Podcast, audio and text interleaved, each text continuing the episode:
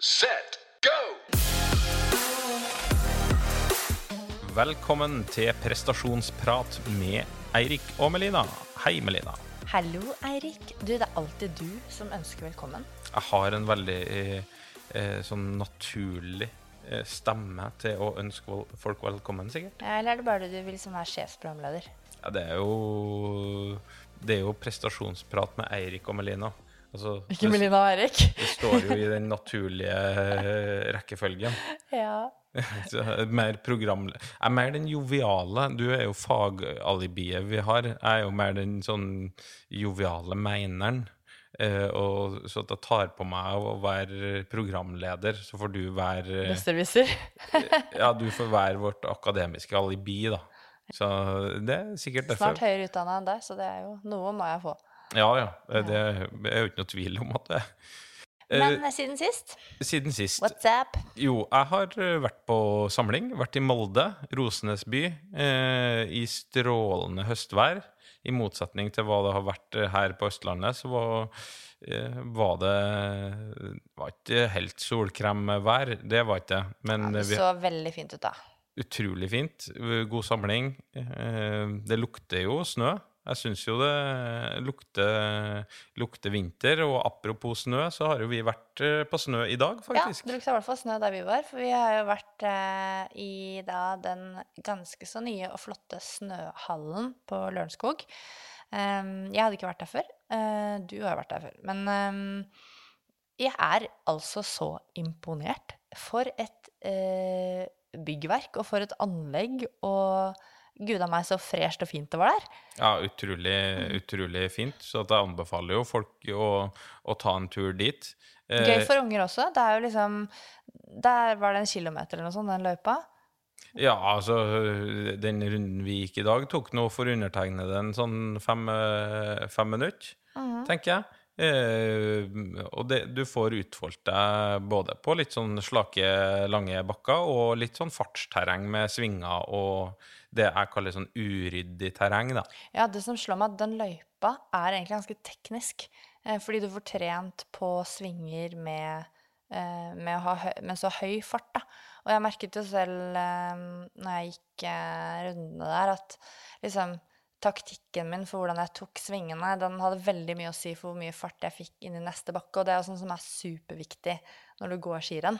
Så det var liksom en oppgave jeg ga til meg selv, da, og at jeg skulle trene på de svingene og se om jeg kom litt og litt høyere opp i bakken. Jeg gikk rolig, men liksom likevel linjevalg og sånn, da. Så det var veldig gøy å, å trene på det, og så var det jo helt fantastiske forhold der. Det, det var kjempebra. Men det som jeg syns nesten var det diggeste, bortsett fra at det var deilig å gå på ski, eh, det var at i underetasjen der, i eh, en sånn kafé, så har de også en så nice kanelbolle at eh, det var ikke mulig å gå fra snø uten å kjøpe seg en sånn en. Nei, nei, nei. Det er jo veldig sjelden mulig å gå fra noe som ser så digg ut. Eh, Så at det måtte, jeg prøvde kaffen, og jeg prøvde den, og begge deler sto til Ja. terningkast seks. Ja, så jeg, jeg kan faktisk dra dit bare for å drikke den eh, kaffen og spise den bollen, men jeg tar gjerne en skitur eh, først. Så, Det er kanskje godt og det er kanskje lurt, tror jeg, å ta den skituren Ja. eh, først. Ingen av oss gikk veldig lenge på skidag. Vi gikk ikke så langt at øh, vi gikk tom verken Vi for nulla ikke ut den bollen. Nei, vi nulla ikke ut bollen. Vi gikk ikke tom for karbohydrater. Jeg er litt usikker på hvilket energisubstrat jeg brukte underveis. Jeg brukte nok en god blanding mellom karbohydrat og fett. Men i hvert fall Vi eh, fortsetter jo med den ernæringshøsten vår, og denne episoden er intet unntak. Vi tar et nytt dypdykk inn i fettets verden. Og til å hjelpe oss med det, så har vi en fantastisk dyktig gjest her i dag. Det er Andreas Stokkeland, som eh, mange av dere kjenner som Maks Prestasjon på Instagram. Men han er ikke i gåseøyne bare en sånn Instagram-konge som eh, pøser ut eh, informasjon og kunnskap der. Han driver med ganske mye mer og er veldig kyndig når det gjelder ernæring. Så da tenkte vi selv om vi kan snakke med Andreas om veldig mange forskjellige spørsmål, så uh, syns vi det var fint å få dunka på plass denne episoden her, som da skal handle om fettadaptasjon. Og dette med fettilpasninger eh, til det å bruke fett på trening, i konkurranse, ulike strategier for å bli en såkalt bedre fettforbrenner, er noe vi har fått veldig mye spørsmål om. Eh, både når vi nå i det siste har liksom etterlyst spørsmål fra dere som lytter på og følger oss på Instagram, men også helt fra vi startet. Så her kommer den, dere. Så da ønsker jeg egentlig hjertelig velkommen til vår eh, podkast, Andreas Stokkeland. Takk for det.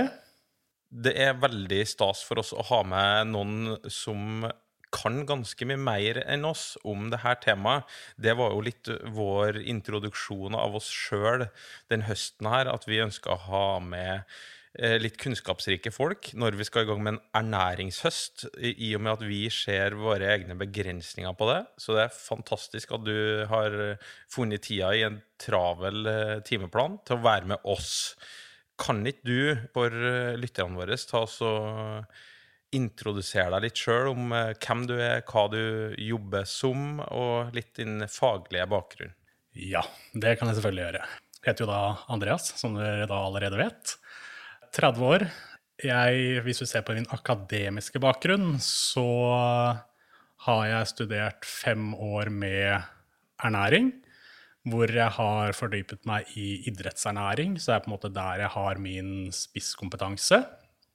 Og hvis vi ser litt på treningsbakgrunn, som sikkert kan være litt greit å ha med også, så har jeg primært drevet med kraftidretter hele livet. Det har vært eh, litt amerikansk fotball, eh, styrkeløft, altså ikke aktivt med styrkeløft, men den type trening hvor hovedmålet har, så, har vært å bli så sterk som overhodet mulig. Eh, men så gikk jeg litt lei, drive med disse kraftidrettene, og tok og retta meg litt mer inn mot utholdenhet. Og litt av grunnen til at jeg valgte å gjøre det, var også fordi det var et område hvor jeg ønsket å lære mer på det faglige plan også. Og da liker jeg gjerne å ha både den teoretiske biten, men også den praktiske.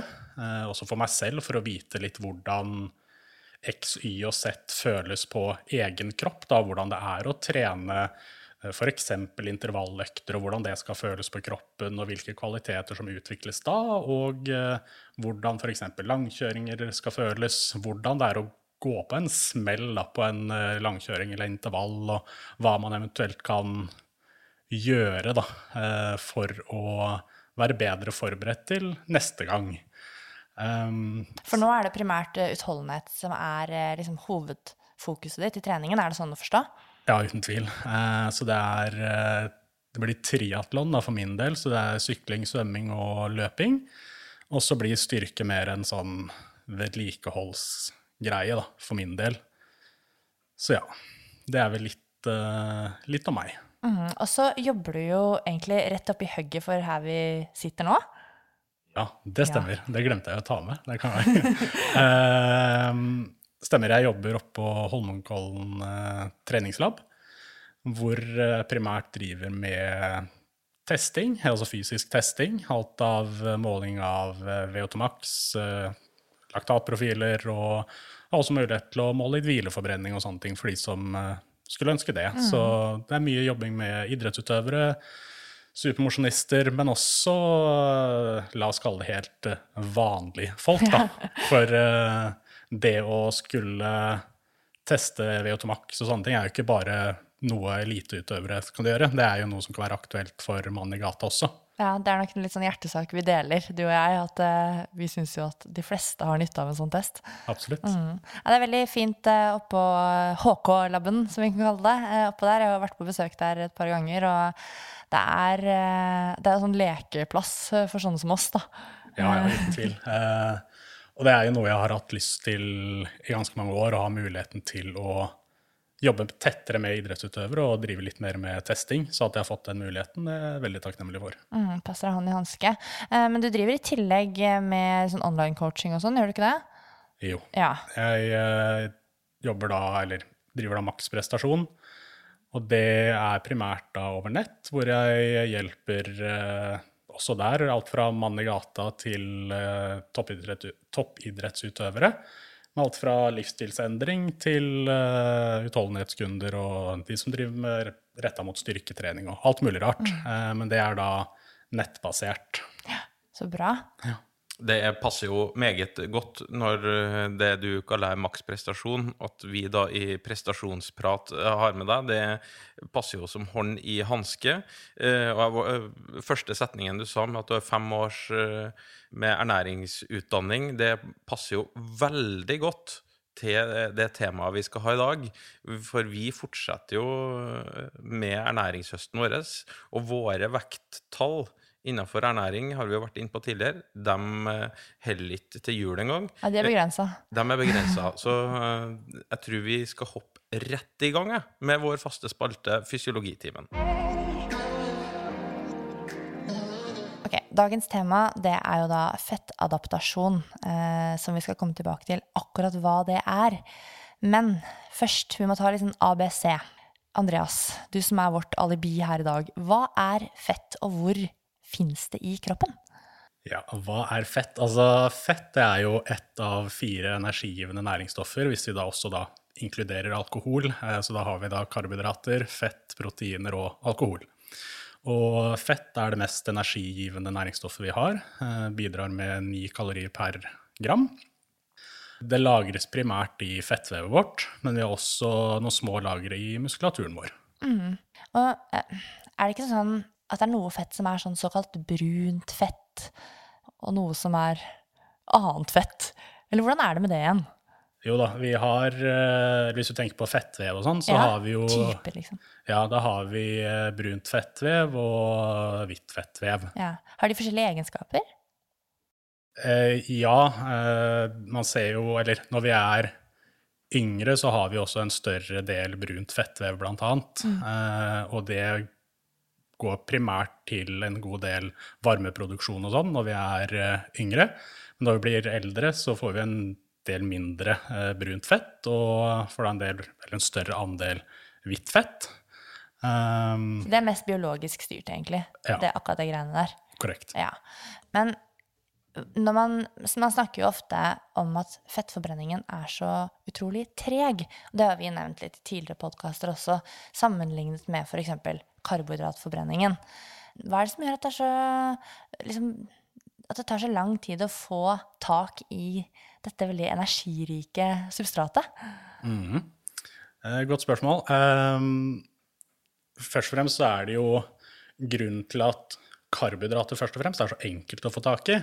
Det er jo at det er lokalt lagret i bl.a. muskulaturen vår. Eh, så der har du det på en måte Kan få det on demand, hvis du skal kunne si det sånn. Ja. Det ligger på en måte klart til bruk i muskulaturen vår. Eh, nå sa jeg også i stad at vi har bitte litt fett i muskulaturen vår også. Men majoriteten er jo da i fettvevet vårt rundt på kroppen, der det er mm. lagra. Så hvis vi skal få tilgang til fettreservene våre, så må det jo først brytes ned i fettvevet vårt. Transport, transporteres så over i blodbanen, og så fra blodbanen videre da til muskulaturen, hvor det skal da transporteres inn i cellene og da disse mitokondriene, eller disse fabrikkene, da, mm. hvor energien dannes. Så, så, det må på en måte gjennom ganske mange sånne steg, da, hvis man skulle kunne kalle det det, før man får produsert den energien. Ja, ja ikke sant. Og da bare rent sånn i forhold til veien det fettvevet må reise, da, så ja. bare tar det ekstra tid. Det er helt riktig. Ja. Det er nok en vanlig misforståelse, tror jeg, innenfor eh, arbeidsfysiologien at eh, vi får så fryktelig mye energi fra fett når vi trener, selv om eh, til tross for at fett er så energirikt. mm. um, men over til dette med fettadaptasjon. Hva er egentlig det? Fettadaptasjon, det er jo et uh, konsept som uh, har blitt ganske populært Eh, de siste årene. Eh, spesielt Det har vært ganske mye i media, de som kanskje har fulgt litt med og lest litt om det her. Jeg har kanskje lest via Team Sky bl.a. i uh, sykkel, som var veldig på akkurat det her. Da Chris Froome bl.a., som uh, på en måte ble eller promoterte det her som en veldig sånn eh, god ting, da. Ja, og hvor mange supermosjonister tenkte ikke bare 'eureka'? Nett, nettopp. Og det blei på en måte fremstilt som en sånn veldig fornuftig approach å bruke eh, for å bedre utholdenheten sin, da. Ja. For det er en sånn eh, liksom en konkret ernæringsstrategi, på en måte? ja, Ja. hvor på en måte eh, det vi ønsker å oppnå, iallfall rent sånn teoretisk, da, det er å effektivisere kroppens evne til å bruke fett under arbeid, eh, slik at vi da også kan spare glykogen, eller da karbohydratlagrene våre, til senere, altså lenger ut i konkurransen. Og hvis vi ser litt på eh, fra et energimessig ståsted også, da, så er jo fettlagrene våre Der har vi jo sinnssykt mye med kalorier tilgjengelig. Mm. sammenlignet med karbohydratlagrene. Ser vi på en standard 70 kilos person, da, så er det mellom 80 til 100 000 kalorier i fettvev hos den personen, mens total kalorimengde fra glykogenlagrene er på rundt 2500 kalorier. Ja, så sånn så, så virker det jo veldig fornuftig å skulle liksom tappe inn i disse fettreservene våre, da, som vi kan kalle det. Eh, I og med at vi har så ja, åpenbart mye mer å ta av der, da. Ja. Det handler jo om at de fleste I utholdenhetskonkurransene så foregår jo øh, Brorparten av den konkurransetida foregår jo på submaksimale intensiteter. Og så er det jo da om at på en gitt submaksimal intensitet så ønsker du å forbrenne litt større andel fett enn karbohydrater, sånn at når, eh, når det drar seg til spurt, når det drar seg til avslutning, når det drar seg til OL, VM-gull, pers, eh, kall det hva du vil, så, eh, så har du litt av det flybensinlageret å gå på, kontra hvis du da på den samme gitte submaksimale belastninga driver og tar for mye av den flybensinen. Og det kan jeg jo si for undertegnede som da driver på med langrenn, så er jo det eh, ekstremt viktig. Eh, all den tid ingen klarer å gå en, en langrennskonkurranse, i hvert fall i distanse, alt de kan fra start til mål. Det går ikke. Nei, det går ikke. Det, Nei, Du er jo bare begrensa hvor lenge du kan arbeide på VO2 maks, da. Det er det. Så det Ja, og det her handler jo ikke om at du på, på VO2 maks-hastigheten din skal, skal ligge og forbrenne fett, for det går heller ikke. Så det her handler om det å, å da sparing på de submaksimale intensitetene, da, som, som du ligger på stort sett hele, hele løpet, eller hele rittet. Det her med fettadaptasjon, etter hva jeg har eh, prøvd å liksom lese meg litt opp på, da, så er det jo liksom nærmest sånn en oppskrift på hvordan man skal eh, gjøre dette her. Kjenner du til noen av disse liksom, protokollene, Andreas, i forhold til hvordan hvordan ville det se ut, for eksempel, hvis jeg nå skulle teste dette her på meg selv? Ja. eh, Hvordan spiser jeg da? Hva gjør jeg? Ja. Nå fins det ulike typer protokoller som benyttes hvis man ønsker en såkalt fettadaptasjon, da. Eh, men eh, akkurat det tror jeg vi kan komme litt tilbake til etterpå. For eh, en ting som jeg ønsker bare å gå litt tilbake på, det, for jeg fikk ikke fullført det helt i stad, det var jo angående dette med Team Sky og eh, Chris Froome og hele den biten der. Eh, Sånn det ble fremstilt i media og alle overskrifter, så blei det jo sånn at eh, Team Sky best i verden på lavkarbo. Men James Morton, som da var, jeg veit ikke om han da nå er i Ineos, altså da gamle Sky, eh, han var jo ernæringsansvarlig for Team Sky, og han gikk også ut og sa at de konkurrerer jo med stappfulle glykogenlagre, og de kaster inn på karbohydrater underveis i konkurranse og sånne ting. Så det vi skal komme litt tilbake på etterpå, da, det er jo dette med hvordan man eventuelt kan bruke dette med fettadaptasjon i praksis, for istedenfor å ha lange perioder med, la oss si, lavkarbo, da, eller et ketogent kosthold for den saks skyld, så handler det heller om å periodisere inntaket av karbohydrater uh, ut ifra hvilke krav de spesifikke øktene stiller. Ja. Det vil da si skal du ha en hardøkt, så innta karbohydrater, for da får du den beste økta. Men skal du ha en eh, rolig langkjøring, f.eks., så er ikke kravet til karbohydrater nødvendigvis det samme. Og da kan man muligens få noen da fordeler rent um, Vi kan komme tilbake til det her etterpå, da, men sånne enzymatiske fordeler. Altså at man utvikler visse la oss kalle det arbeidere, da, som er fordelaktig når det kommer til det å bruke eh, fett under arbeid på disse roligøktene. Så det handler litt om hvordan man skal periodisere det her på best mulig måte. Da. Ja, den ballen der må vi plukke opp igjen. Eh, fordi sånn som eh, Jeg tror nok eh, eh det vil gi Hva skal jeg si Kaste ganske nytt lys da over eh, strategier for fettadaptasjon ut fra hvert fall det som jeg opplever at mange tror, da, når jeg diskuterer med andre, og også basert på mye av de spørsmålene som vi har fått inn. jeg har registrert at det er liksom noen sånne noen av de tidligste fettadaptasjonprotokollene gikk liksom på at man skal ha veldig lavkarbokosthold eh, over tid, for så å liksom switche over til høykarbo og fylle opp glykogenlagrene, og så skal du liksom konkurrere, og det virker som at ja, det, det virker eh, mer ekstremt enn det som virker hensiktsmessig, egentlig. Så ja, vi får komme litt tilbake til det. OK. Eh, det er jo helt sikkert her, som i alt innenfor idretten, så, det er multifaktorelt. og eh, tenkt å gå gjennom noen sånne bullet points på hvordan, og hvordan de da påvirker maksimal fettforbrenning. For det er en ting som jeg syns er veldig interessant, det er jo det, altså, treningsstatus. Og min opplevelse av, eh, av det du var inne på med Team Sky, da, er jo også at du ikke kan neglisjere den biten om at en utøver, en forsøksperson etc., faktisk blir bedre trent.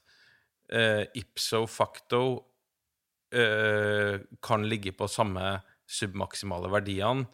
Uh, ja, selvfølgelig, og forbrenner kanskje da i større andel fett, men har blitt bedre trent, som gjør at den gitte submaksimale verdien faktisk er lettere, da. Eh, sånn at jeg syns det er litt vanskelig å vite hva er høna og hva er egget ofte. Hva er det som påvirker det her, da? Ja, og eh, vi kan jo eh, komme tilbake til eh, dette med treningsstatus, men bare for å spille litt videre på akkurat det du var inne på nå, så er det jo veldig mange som er tilhenger av eh, lavkarbo og ønsker å vise at det her fungerer også i prestasjonsidrett, om det er uh, utholdenhet eller hva det enn måtte være, så kan det vise til studie X, Y eller Z.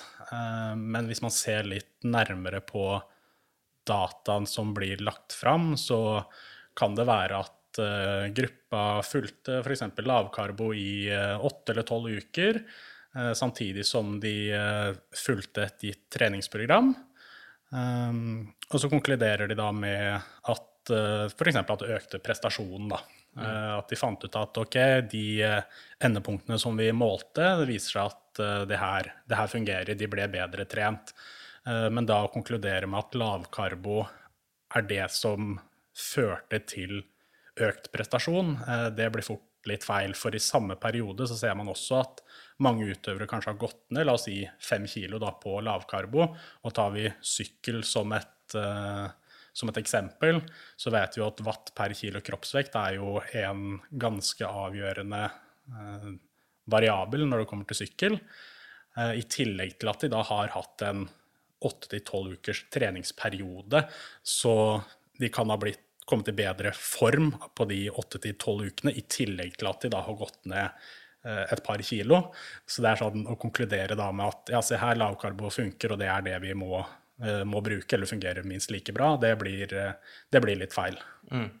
Um, hvis vi ser litt på dette med hvordan ulike eh, faktorer da, kan påvirke maksimal fettforbrenning, og vi ser litt på treningsstatus, så ser vi jo ofte at de som er dess bedre trent du er, jo flinkere blir kroppen til å nyttiggjøre seg av Eh, fett som energikilde. Eh, og det kan også skyldes bl.a. at vi får eh, flere Nå vet jeg ikke om dere har snakket så mye om det her tidligere, men mitokondrier og sånne ting. Det er, de som følger prestasjonsprat, de er godt skolert i mitokondrier og arobenzymer og sånt, så det er bare å kjøre på. Yes. Så uh, de har jo en høyere mengde med mitokondrier og flere sånne enzymer, eller la oss kalle det arbeidere, da, som kan ta seg av den jobben som kreves da når vi skal bruke fett som energikilde. Man ser jo som sagt da enkelt og greit at dess bedre trent du er utholdenhetsmessig, eh, jo flinkere blir du til å nyttiggjøre deg av fett som energikilde. Da. Mm, uansett hvilket kosthold du egentlig var på, da. liksom. ja, eh, hvis, har, hvis, man legger til grunn at, ja, at, du har blitt bedre trent, det er det som er ja. Den største mediatoren. Ja. Men skjer den der og da samme med, med alder, typisk, da? det er, uh, min opplevelse er jo at det skjer at en 30-35-åring som har drevet med langrenn da i x antall år, uh, kontra en, en, som er i tidlig 20-årene Ofte så definerer jeg da han på 30-35 som bedre han er kanskje bedre utholdenhetstrent. Det trenger ikke å være noe forskjell på deres maksimale kapasitet eller, eller maksprestasjon. Uh, det var ikke meninga å nevne navnet ditt, men maksprestasjon. men utholdenhetsbiten er ofte bedre med årene. Da. Altså flere år med 1000 treningstimer. Så vil jeg jo tro at det å påvirke den her da, fettadaptasjonen Altså du blir en bedre fettforbrenner av å legge på 1000 timer år etter år etter år. Det gjør man. Altså det, det er jo sånn uh, Jo flere timer du også har, som du sier, jo flinkere blir kroppen til å nyttiggjøre seg av fett, gitt at man også selvfølgelig da trener innenfor uh, at, Gitt at treningen er lagt opp på en fornuftig måte, da, slik at man uh, promoterer disse tilpasningene, da, at de skal skje på en best mulig, best mulig måte. Mm. Så mer trening, rett og slett. Det fungerer også. Men hva med arbeidsintensitet? arbeidsintensitet? Hvilken intensitet er det fettforbrenningen er på sitt maksimale? Det er jo et spørsmål som mange har sendt inn også, av en eller annen grunn. Er det veldig interessant ja. å vite? Ja. Uh, der den er på sin, eh, sitt maksimale, der er det litt forskjellig fra person til person og hvor man leser. Men et sted mellom 45 til rundt 60% av VO2 max, sånn ja. cirka. Det er nesten det samme som prosent av makspuls, da. For ja. de som ikke er så kjent med VO2 max. Mm. Ja. Så rolig intensitet, da. Helt riktig. Så rolig, rolig, rolig. Det er der vi har uh, størst uh, fettforbrenning. Mm. Uh, og du har jo um, alltid vanskelig å skulle beskrive bilder når du har en forskningsartikkel i hodet ditt. Men jeg vet ikke om dere har tidligere vært innom dette med crossover point på altså intensitet mellom karbohydrater og fett, hvor på en måte ting krysser. Ja, vi har vært inne på at det liksom eh, På et eller annet tidspunkt så går det over til større grad av karbohydratforbrenning, men vi har ikke liksom definert dette punktet, da. Nei. Så det kan vi gjerne høre litt om. Ja, så det er bare sånn veldig enkelt uh, fortalt, er jo at på lav intensitet så vil vi jo primært bruke fett og bruke relativt lite karbohydrater. Men etter hvert som intensiteten øker, så vil vi jo komme til et krysningspunkt hvor forbruket av karbohydrater og fett er la oss si, tilnærmet da likt. Mm. Men øker vi da intensiteten derifra, så vil, så vil, det snu på seg, slik at vi bruker mye mer karbohydrater og mye mindre fett. Det krysningspunktet, eh, hvis man ser litt i eh, ulike bøker og litteratur, så ligger det på rundt 65% av VO2 max. Ja, helt øverst i sone 1, nederst i sone 2 ca., da. Ja. ja. By, det, men det her er jo bare sånn, her er det jo individuelle forskjeller igjen. Ja. Jo bedre trent du er, så kan du forskyve denne, dette krysningspunktet opp på en høyere intensitet, slik at en som er uh, topptrent, da, for å si det sånn, vil jo kunne bruke en større andel fett selv på en høyere da, intensitet enn da 65 mm. som er på en måte det man ser i la oss si, bøkene, da. Ja. Jeg tror for uh, de som er eh, ja, kategorien meget godt utholdenhetstrente personer, så ligger, er det vel ofte rundt sånn eh, det som folk kjenner som litt sånn sone tre.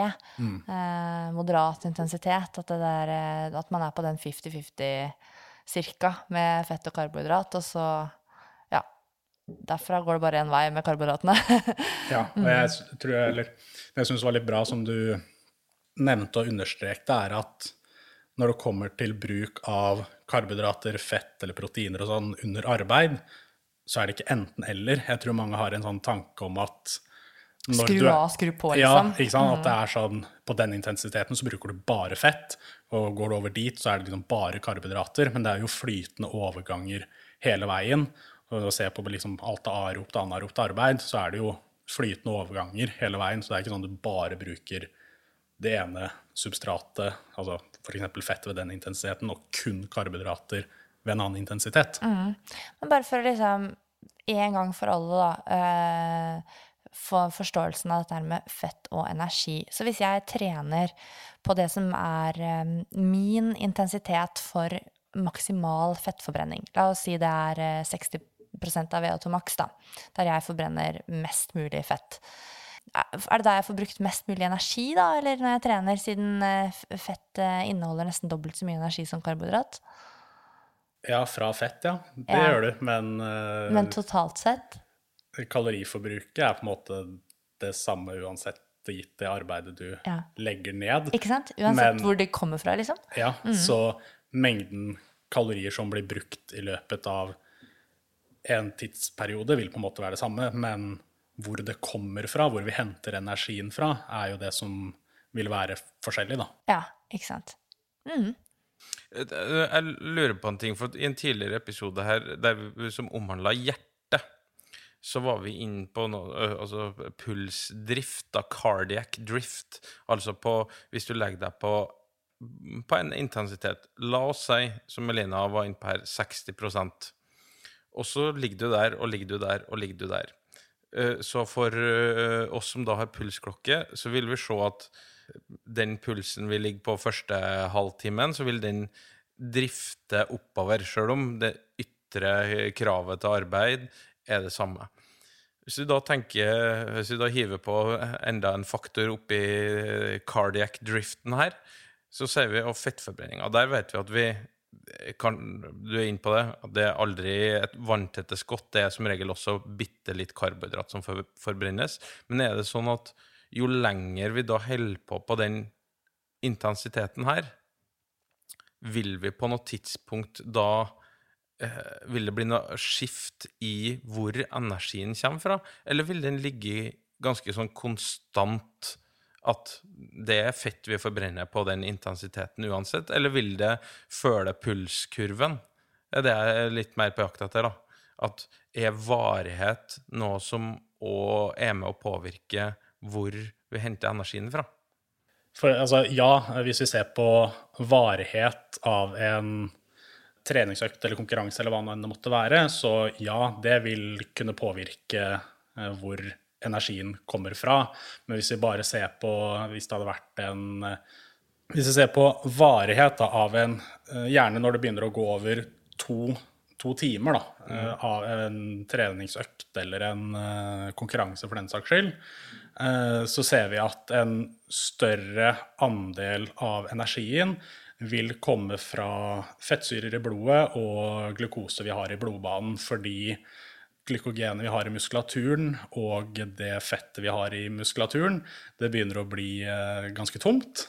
Um, så da må vi eh, ofte bruke mer av fettsyrene vi har i blodet, som da kommer fra eh, fettvevet vårt, og eventuelt fra karbohydrater du inntar underveis da, i konkurranse, eller trening for den saks skyld.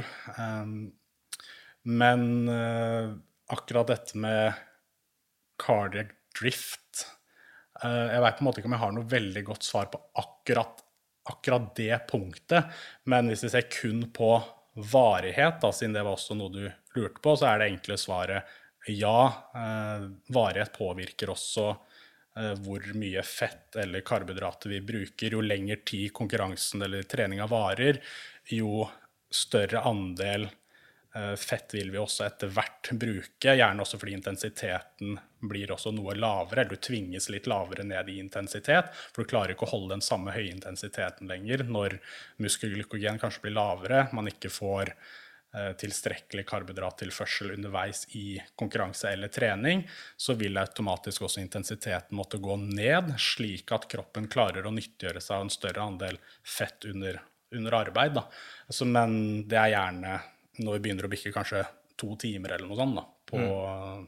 en gitt uh, aktivitet. Mm. Ja, og, og, det som er Nå er jo ikke det her et Jeg er jo veldig for å ha praktiske eksempler fra idrett, og, det er jo ikke alle idretter hvor, hvor det at du skal legge deg på At det er om å legge seg på én intensitet, og så skal du ligge der og ligge der og ligge der og ligge der til, til, sola går ned. Det, altså, da må vi inn på ultraløp og, og sånn. Og ja, men likevel så er det alltid variasjoner, og selv om pulsklokka viser det samme, så er jo det ytre arbeidet kan uansett variere. Det er akkurat sånn at det. da kan, vil jo kravet til karbohydrat og fett være dynamisk um, i forhold til hva du foretar deg da, ute i en løype. Ja, og det du vil få etter hvert som varigheten stiger, det er jo at du Altså den muskulaturen du er best til å bruke på den intensiteten, vil bli sliten. Eh, du må over på annen muskulatur som eh, nummer én ikke er like godt trent til å gjøre samme bevegelsene. Eh, du blir mindre effektiv, etc. Og da begynner vi å blande veldig mye inn i det som i starten var cardiac drift og varighet, etc. Men det, det blir jo da veldig multifaktorelt også når, hva gjelder fettadaptasjon og fettforbrenninger etter hvert. da. Mm. Men du, som, jeg satt og liksom, sittet og tenkt litt på det nå er med cardiac drift og ytre arbeid og indre arbeid og fett og krav og alt det der. Men det er jo ikke, liksom, det er ikke pulsen som sådan som styrer hvor energien kommer fra heller. Det har vi snakket om tidligere, at pulsen kan jo variere kjempemasse. Bare du tenker på et eller annet som gjør deg litt stressa, så går pulsen opp. Det er jo ikke sikkert at fettforbrenningen liksom endrer seg for det. Helt riktig. Mm. Altså Som det kvinnelige alibiet i den lille gjengen her nå, så uh, føler jeg at det, det, er rett at jeg tar oss til neste kapittel, og det er eventuelle kjønnsforskjeller. Uh, er det, Andreas, forskjell på kvinner og menn når det gjelder evne til å forbrenne fett og fettadaptasjon og ja, den suppa her? Ja, det er forskjeller. Uh, og kvinner er noe bedre enn menn til yes men til å bruke fett som energi under arbeid. Men jeg skal være såpass ærlig at uh, jeg har ikke satt meg så mye inn i hvorfor det er sånn. Jeg veit bare at, at, det er sånn. Så det vet jeg ikke. Jeg vet ikke om uh, du kanskje har lest noe om det? Nei, altså jeg har nok lest noe om det, men uh, jeg tenker at det, må, det er jo et eller annet på um, Eh, mitokondrieeffektivitetsnivå, sikkert, og som igjen sannsynligvis er styrt på et eller annet eh, gen, et eller annet kodet nivå der. Ja. Så vi trenger ikke gå dypere inn i det. Altså, det holder for meg at uh, kvinner er best på akkurat det, men på den annen side så tenker jeg sånn ah, Men det blir jo ikke sånn veldig rå intensitet av å være best på det. Nei. Så Tja, jeg vet ikke hvor bra det egentlig var. Nei, ikke best på lave intensiteter. Yeah. Så det er bare egentlig Men det, da tenker jeg jo sånn eh, Så ultraløp, for eksempel, sånne, og ikke bare sånn 50 km, men ordentlig, ordentlig lange ultraløp, der tenker jeg det kan jo være en arena hvor faktisk kvinner kanskje kan slå menn i konkurranse. Fordi at der vil den fordelen, da, eller den evnen til fettforbrenning kanskje betyr mer enn i en del andre idrettskonkurranser. Jeg vet ikke om dere har noen tanker om det, gutta? Det, det er jo en gang sånn at der det er nærmest, altså på verdensrekorder innenfor løping, så er jo på de lange distansene at uh, forskjellene mellom kvinner og menn er minst. At, uh, og at da det her eh, kan være en del av puslespillet til å forklare det. Du kan jo også starte i andre enden og si hvorfor det er så store forskjeller på 100 meter. Og da kan du komme inn på testosteron, eh, muskulatur etc. Mm. Men du kan også begynne i den enden og si at det, grunnen er eh, i de lengste løpene fordi at kvinner er bedre til å bruke uh, og nyttiggjøre seg fett. Kanskje. Kan være. Vi har jo diskutert det flere ganger. Sånn, hvilken distanse skulle det vært hvis jeg skulle slå deg i et løp?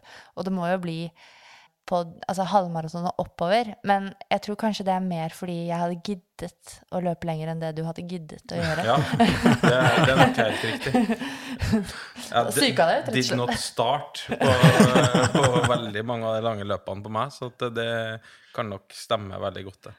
Men ok, da jeg tenker det, det er egentlig det vi trenger å vite om at, at kvinner er best rett og slett på fettforbrenning. Ferdig snakka? Nå da. Eh, Men eh, har det noe å si hva, eh, hva jeg har spist eh, i forkant av trening eller konkurranse, i forhold til hvor maten kommer fra? Eh, hva, og egentlig, hva betyr ernæringsstatus eh, for fettforbrenning?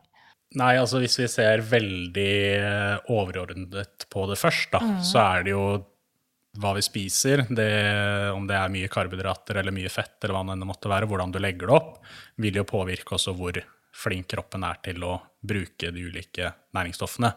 Hvis- Så spiser jeg mye fett, så bruker jeg mer fett, er det sånn, eller? Ja, det stemmer. Så øh, kroppen må jo da bli flinkere til å nyttiggjøre seg av fett når det er primært det den får. Eh, Men hvis vi ser på ernæringsstatus også knyttet opp til eventuelle spesifikke treningsøkter og sånne ting, eh, så var vi jo litt inne på det ganske tidlig at ved å f.eks. trene fastende eller eh, hva det enn måtte være, så vil jo karbohydratlagrene være ganske lave. Eh, Og trener du da på en nokså lav intensitet, så vil jo kroppen også tvinges til å bruke mer fett, siden den ikke har like stor tilgang på karbohydrater. Um, og igjen da, spiser du mye karbohydrater før intervalløkter, så vil du jo åpenbart også bruke mye karbohydrater. Ikke bare eh, fordi du har spist mye karbohydrater, men du klarer ikke å nyttiggjøre deg så mye fett på høy intensitet. Men Nei, sånn sett så har jo ernæringsstatus eh, noe å si eh, rent sånn akutt, men også gjerne over en lengre periode, da. Avhengig om det er snakk om en um, La oss kalle det en eh, kronisk ernæringsstatus, da. Eller en akutt ernæringsstatus. Ja, for det det også. må vi jo skille på. Ja. Eh, Men det tar meg egentlig til Da har jeg lyst til å dra inn et par lytterspørsmål eh, i forhold til dette med ernæringsstatus. Fordi, mm, og ja, bare høre litt om hva du tenker om de. Og da er det noen som har spurt eh,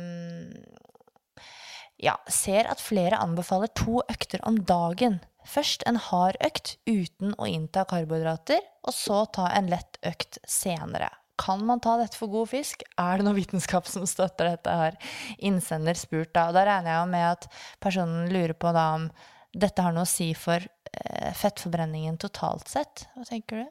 Ja, det her er jo en av, av flere protokoller som har også blitt anbefalt i sånn, la oss kalle det nyere tid, da. Eh, hvor man har en hard økt først for å da tømme glykogenlagrene, og da ikke innta noe karbohydrater i ettertid for å fylle de opp igjen, slik at da økt nummer to, eh, som da blir gjennomført på en lav intensitet, Eh, Da har du ikke den samme tilgangen på karbohydrater, og du tvinges da også til å bruke mer av fettlagrene dine. Eh, Og det er det man på en måte har sett, og det er det også Team Sky benyttet seg veldig mye av, disse eller ulike periodiseringer eh, hvor man eh, har sett at du kan få små akutte eh, tilpasninger innad i øktene. Eh, for det man ser eh, tidligere, hvor man hadde mer eh, La oss kalle det ekstreme tilnærminger, da, hvor man kunne gå flere uker på lavkarbo fordi man måtte bli fullt det man kalte da adaptert. Eh, For så å ha en periode hvor man spiste mer karbohydrater. Så var det på en måte den gamle tilnærmingen. Men det man også så der, da, det var at ved å gå lenge på et lavkarbokosthold, så reduserer du også kroppens evne til å bruke karbohydrater på høy intensitet. Ja, det må jo gjøre noe med treningskvaliteten, tenker jeg, og prestasjonsevnen. Det gjør det også. Eh, Men som sagt, det som er kanskje den største ulempen, da, det er at ja, du blir god til å bruke fett, men hva hjelper på en måte det når du blir sykt ræva til å bruke karbohydrater på høyere intensiteter? For det er Du kan se det Hvis vi prøver å lage et bilde på det, da. Så la oss si at vi har x antall arbeidere i kroppen som tar seg av eh, fettforbrenning, og x antall, eller y, da, antall arbeidere som tar seg av karbohydratforbrenning. Men når vi ikke da har karbohydrater på en god stund, eh, men vi har masse fett tilgjengelig, så trenger vi jo ikke alle disse arbeiderne for karbohydrater, tenker da kroppen. Så den ansetter enda flere arbeidere som kan ta seg av denne fettforbrenningen. Det er derfor man også ser at ja, du blir god til å bruke fett, for du har mange arbeidere som kan ta seg av denne jobben.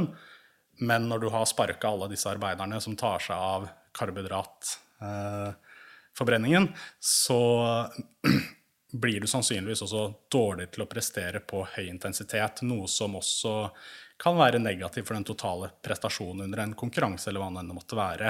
Så disse eh, andre eh, mer moderne tilnærmingene, hvor man kan ha enkle dager da, innimellom hvor man har fokus på fettforbrenning.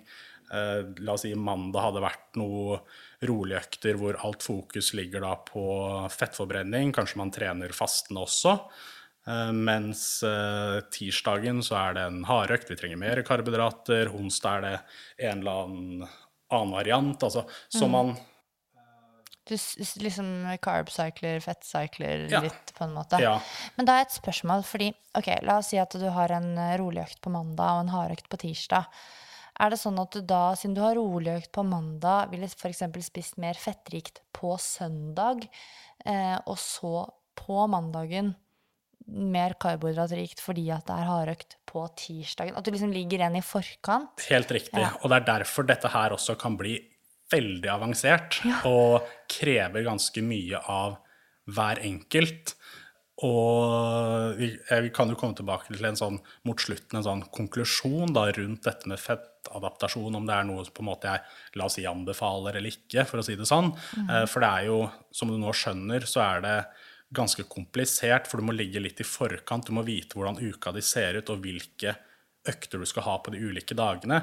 For skal du ha en rolig økt på mandag, så er det ganske vanlig da å spise ganske lite karbohydrater på søndag, iallfall sånn på ettermiddag kveld, at man holder det lavt der, og at man da starter f.eks. fastende da, på mandag. Men siden du da skal ha en hardøkt på tirsdag, så spiser man gjerne mer karbohydrater da på kveldstid.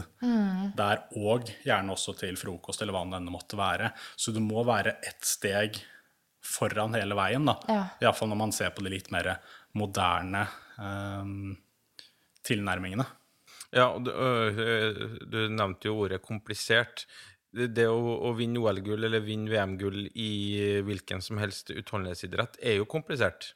Altså, det er vanskelig.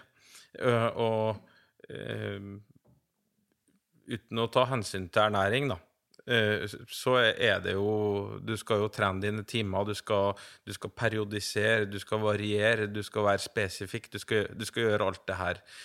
Og så er jo jeg veldig opptatt Altså, ernæring er viktig hvis det er sånn at du kan hente eh, marginal gains da, av å, å tilpasse ernæringa di sånn at du enten kan gjøre økta eller dager bedre. For det av alt jeg ikke vet noe om, og det er ganske mye Men det jeg vet noe om, er at jo flere økter som er optimalisert, det vil si at du har gjort dem perfekt, du har gjennomført øktene perfekt, du har hatt en, en ernæringsstatus som har vært med og bidratt til at økta, uavhengig om den er rolig eller om den er hard, at det har vært med på å bidra til at du gjennom et år har fått flere helt perfekte økter. Det vil si at periodene du har vært igjennom, har blitt helt perfekt. Jo større sannsynlighet er for at det OL-gullet, VM-gullet, persen er mer innenfor rekkevidde. Og det er jo der at eh, min Og jeg kanskje er personlig er jo litt der at sånn Jo, men du må bare spise. Altså, du må bare få, få i deg få deg noe mat, liksom. Men at det kanskje er noe der, i hvert fall på toppnivå, at, at mange utøvere har noe å hente på å optimalisere et kosthold i forhold til øktene, i forhold til konkurranse etc. Eh, og da, innafor det temaet vi har i dag, altså bli bedre til å, å bli ikke 100% fettforbrennere, for da mister de arbeiderne sine. Og, og, skal du vinne VM, så må du ha nok arbeidere til å ta seg av karbohydratforbrenning. Men at vi òg, som mange andre idrettsutøvere, har noe å gå på her, på det å optimalisere dag til dag, det er jeg helt sikker på. Mm. Men da tenker jeg jo at det er litt sånn nivåavhengig. Fordi eh, for eksempel for min del, da. Ja, jeg liksom satser på langrenn og konkurrerer og står liksom på. Men det er liksom andre ting, tror jeg, da, som gjør at det kan gå fortere på ski enn om jeg skulle begynne å eh, periodisere ja. kostholdet mitt. No offense, men du trener ikke nok. Nei, det er nettopp det. Og jeg tror veldig mange er i den situasjonen som jeg er i, at jo, du trener relativt mye, er i bedre form enn gjennomsnittspersonen i sin uh, aldersklasse, men jeg trener ikke nok til at eh, det å skulle hoppe på en sånn ernæringsstrategi vil ha noe å si. Jeg tror det vil være mer stress enn det er verdt. da. Eh, jeg vet ikke om du har noen tanker om det, Andreas? Jo, jeg er helt enig. Og det er jo jo mer, la oss si, elite du er, det er jo først der jeg mener at sånne ting som det her kan være aktuelt. Mm. Å drive og periodisere litt uh, både karbohydrat og fett ut ifra hvilke økter det er snakk om og sånne ting. Uh, for det man har også sett, bare for å få med det lille poenget også, for det er litt viktig, det er at Fordelen som sagt, med å periodisere disse inntakene kontra å gå lenge på lavkarbo, for det som da skjer, som jeg nevnte i stad, er at du mister evnen til å bruke karbohydrat på høy intensitet. Men det å ha eh, periodisere det ut ifra hver enkelt dag, så har man sett at man kan på en måte få noen av disse enzymatiske fordelene da, eh, ved å bli noe bedre på å bruke fett uten at det går på bekostning av evnen til å bruke karbohydrater. Så det er en sånn du kan få eh, litt av, litt av begge verden. Ja. Helt riktig. Men for å svare helt konkret på det spørsmålet ditt om uh, hvem på en måte litt det her er mest sånn aktuelt for, så vil jo jeg si at det er eliteutøvere. For jeg mener når det kommer til veldig mye eh, trening også hos supermosjonister og hva det enn måtte være, så er det veldig mange som er opptatt av å finne det siste og det hotte og det som kan uh, gjøre de bedre. Men jeg mener jo fast bestemt på at uh, det å bare trene mer for de aller fleste vil ha mye, mye mer å si da, ja. for hvor godt du presterer. Men når du kommer opp på et skyhøyt nivå, hvor det begynner å bli sånn du skal jobbe vanvittig mye for å bli liksom en liten prosent bedre Ja, det er jobben din. Det er nettopp det. Så, kan, så begynner man å snakke om sånne, sånn fintuning, da, hvor man kan eksperimentere og se litt på Ok, da prøver vi det her, liksom, for det har vist seg å potensielt ha en effekt. da. Så da kan vi teste ut det. Så det er nok ikke noe jeg eh, noe jeg selv ville gjort, f.eks.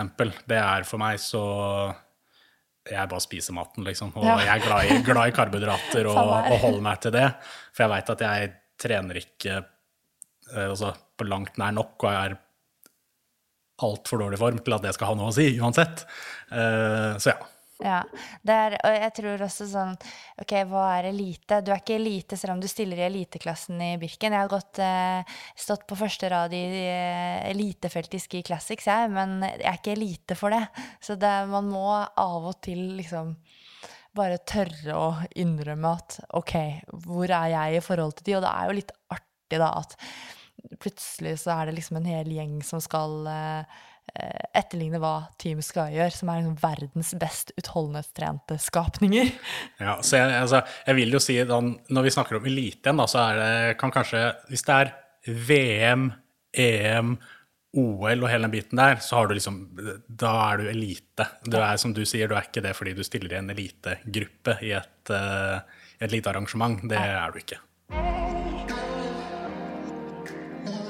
Vi har jo lært eh, litt om hvordan det kan fungere, hvordan det kan se ut da, eh, hvis man skal eh, prøve å lære seg dette fettadaptasjonsgreiene.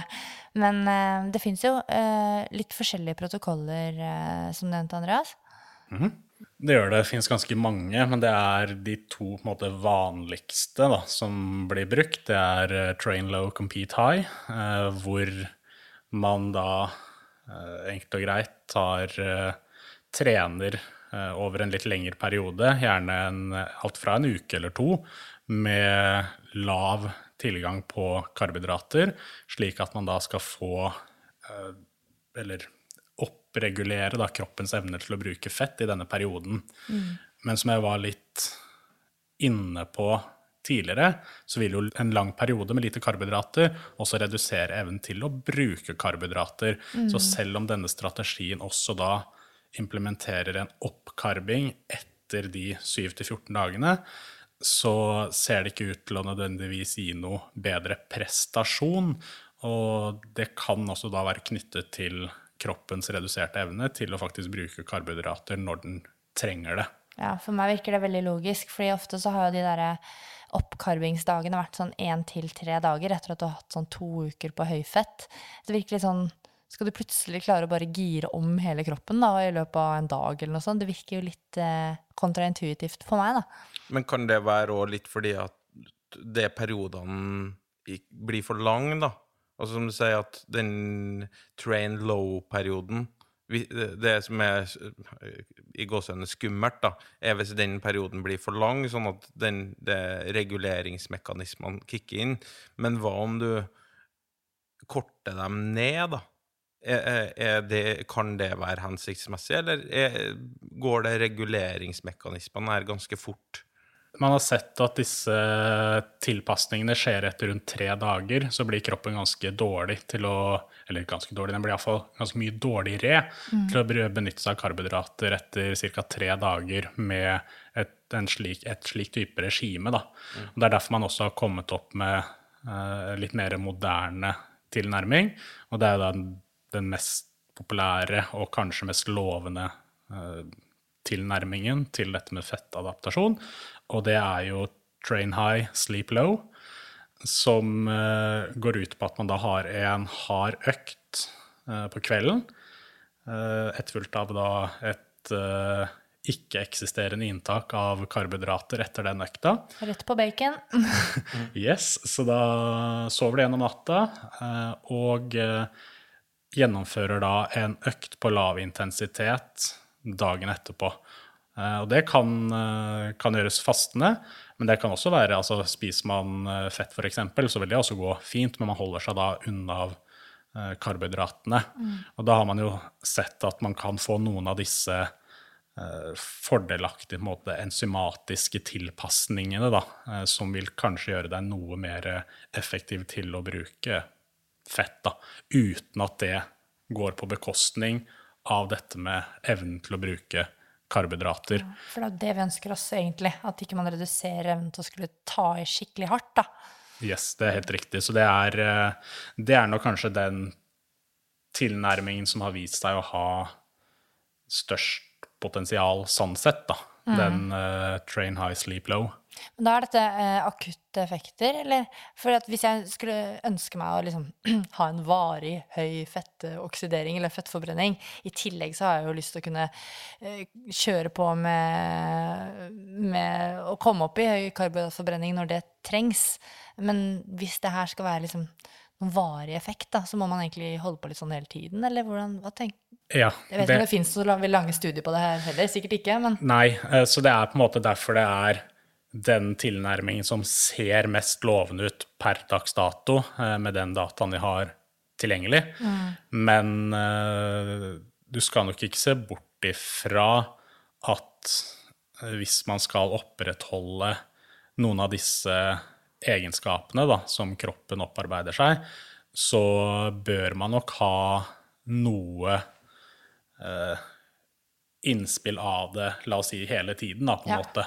Slik at det ikke går år, et år mellom hver gang man prøver det her, men at man kanskje har det litt i perioder. da. Eller mm. at man bare har det én til to økter i uka, hvor man på en måte prøver å trene med litt, litt mindre karbohydrater eller ikke noe karbohydrater på langkjøringer. da. Mm.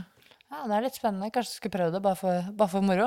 For en som meg, som er fryktelig glad i stor, stor middag Nå er det ikke så veldig ofte jeg trener to økter om dagen heller, men den store middagen bestående av pasta eh, etc. må jeg jo da sløyfe, hører jeg, eh, hvis jeg skal Jeg sleep low. Er, for meg som da har, eh, om ikke investert, men i hvert fall lånt meg til meg pastarulle her nå, så hører jeg jo at den eh, blir satt eh, lengst inn i skapet hvis jeg eh, Ja, jo holdt på å lære deg pastarulla mens Andreas kom inn her, så det var litt morsomt da, at det liksom ble tema. Ja. Eh, Men sånn, for å forsøke å konkludere litt nå da, Andreas, eh, rundt dette her med fettadaptasjon, vil du anbefale et sånt, sånt regime som eksempel det, mest lovende? På generelt grunnlag uh, så vil jeg ikke det. Uh, Da mener jeg det er, koster for mye, holdt jeg på å si. Da, at de fleste vil ha mer å hente på andre, andre arenaer, hvis man skulle kunne kalle det det. Men eh, hvis man altså For all del, man må gjerne teste, men det er ikke noe jeg anbefaler som sagt på et generelt grunnlag. eh, Med mindre man kanskje er en eliteutøver, altså elite-elite, helt, helt, helt oppe i toppen. eh, Så kan det være noe som kan være interessant å teste ut, iallfall, og se hvordan Om det kan ha noe, noen effekt. Men eh, ikke noe jeg ville brukt altfor mye tid på eh, for den gjennomsnittlige personen, da. Kunne begynt podkasten med det, da. Nei, men, men det er, jeg syns det er veldig viktig å, å liksom snakke seg gjennom og gå litt dypere inn i det temaet her, fordi det har blitt en veldig hype eh, rundt det, og eh, veldig sånn på moten. Og prøve å liksom hacke kostholdet sitt for å få en bedre prestasjonsevne, men det er kanskje først og fremst treninga som gjør deg til en bedre utøver. Eh, Ja, det, det er det. Og så er det Jeg vil jo si at uh, carb is king uansett. Eh, Altså, når det kommer til, uh, kommer til stykket, og du skal prestere på et uh, skyhøyt nivå, så er det karbohydrater som, som er tingen. Det er, vi har det lett tilgjengelig, kan raskt få det i muskulaturen vår, og hvis vi er flinke til å innta eventuelt karbohydrater underveis òg, hvis lengden eller varigheten på økta eller konkurransen tilsier at det er noe du burde, så hold deg til, hold deg til karbohydrater. Liksom. Det er det som er, det som er tingen per dags dato, iallfall hvis vi ser på all den forskningen som er tilgjengelig, så kommer du på en måte ikke unna det, da. Nei. Maks prestasjon har talt. Rent avslutningsvis så bruker vi ofte når vi har gjester å avslutte med en eh, liten sånn Fem på gaten eh, lokalavis-variant. Litt adaptert til, selvfølgelig til eh, temaet for podkasten, som er prestasjonsprat. Eh, vi vet jo at du er en eh, aktiv kar og trener en del. Så hva er din beste opplevelse i forbindelse med trening eller konkurranse? Ja, si det. Ehm, Er det fordi at det er mange å velge mellom, Nei. eller at det ikke- ikke er så mange gode opplevelser? å Det- velge mellom? Det er nok eh, Altså i eh, Jeg tror faktisk min beste opplevelse, sånn som jeg kommer på i farta nå, det er eh, første gang jeg ble introdusert for rask start på sykkel. En sykkeløkt som jeg måtte gjennomføre. Eh, det tror jeg er eh, en av de kanskje beste opplevelsene. Eh, både på godt og vondt, egentlig. Ja, for det er jo altså, rask start, det er jo en egen sånn det er jo en egen protokoll for hvordan man kan gjennomføre en intervalløkt, som er ofte spesifikt for sykkel. Man kan gjøre det på løping òg, men det er jo det er jo ikke en lett økt. Det, det høres ut som en økt for meg som krever litt karbohydrater. At det ikke, at det ikke er fettforbrenninga det, det står på her. Nei, det er ikke den her økta du kjører på når du skal eh, eventuelt bli bedre på fettadaptasjon, for å si det sånn. Hva var det som var så digg med den økta? Uh, det er nok det at jeg elsker å trene på høy intensitet. Jeg hater lav intensitet. Så jeg liker, eh, liker å ha det vondt, liker melkesyre og merke at man jobber, da. Så det er nok eh, er det, tror jeg. Men med andre ord, da, når vi, neste spørsmål er favorittøkt, så, så kommer vi ikke her til tre timer eh, rolig langtur med prestasjonsprat eh, på øret eh, nødvendigvis veldig høyt opp, da. Nei, og favorittøkta mi, det er også rask start på sykkel. Um, For løping, da? Løping så er det Jeg tror det er tre ganger 10, 45, 15. Ja, det er en god økt. Ja, jeg tror det er eh, favoritten min. Kult. Og hvilken matvare klarer du deg ikke uten? Eller drikkevare? Nei, Drikkevare er veldig lett, det er riskaffe. Men eh, en spesifikk matvare jeg ikke klarer meg uten, så er det egg, tror jeg. Ja, egg, da. Det er sånn For Det funker til alt. Ja, altså, du kan liksom, du kan ha speilegg, omelett, du kan ha kokt, altså du, det er så mange Posjert. For en som har ja. leka Eivind Hellstrøm en god stund så er posjert egg en favoritt. Ja, så egg eh, er nok eh, favoritt.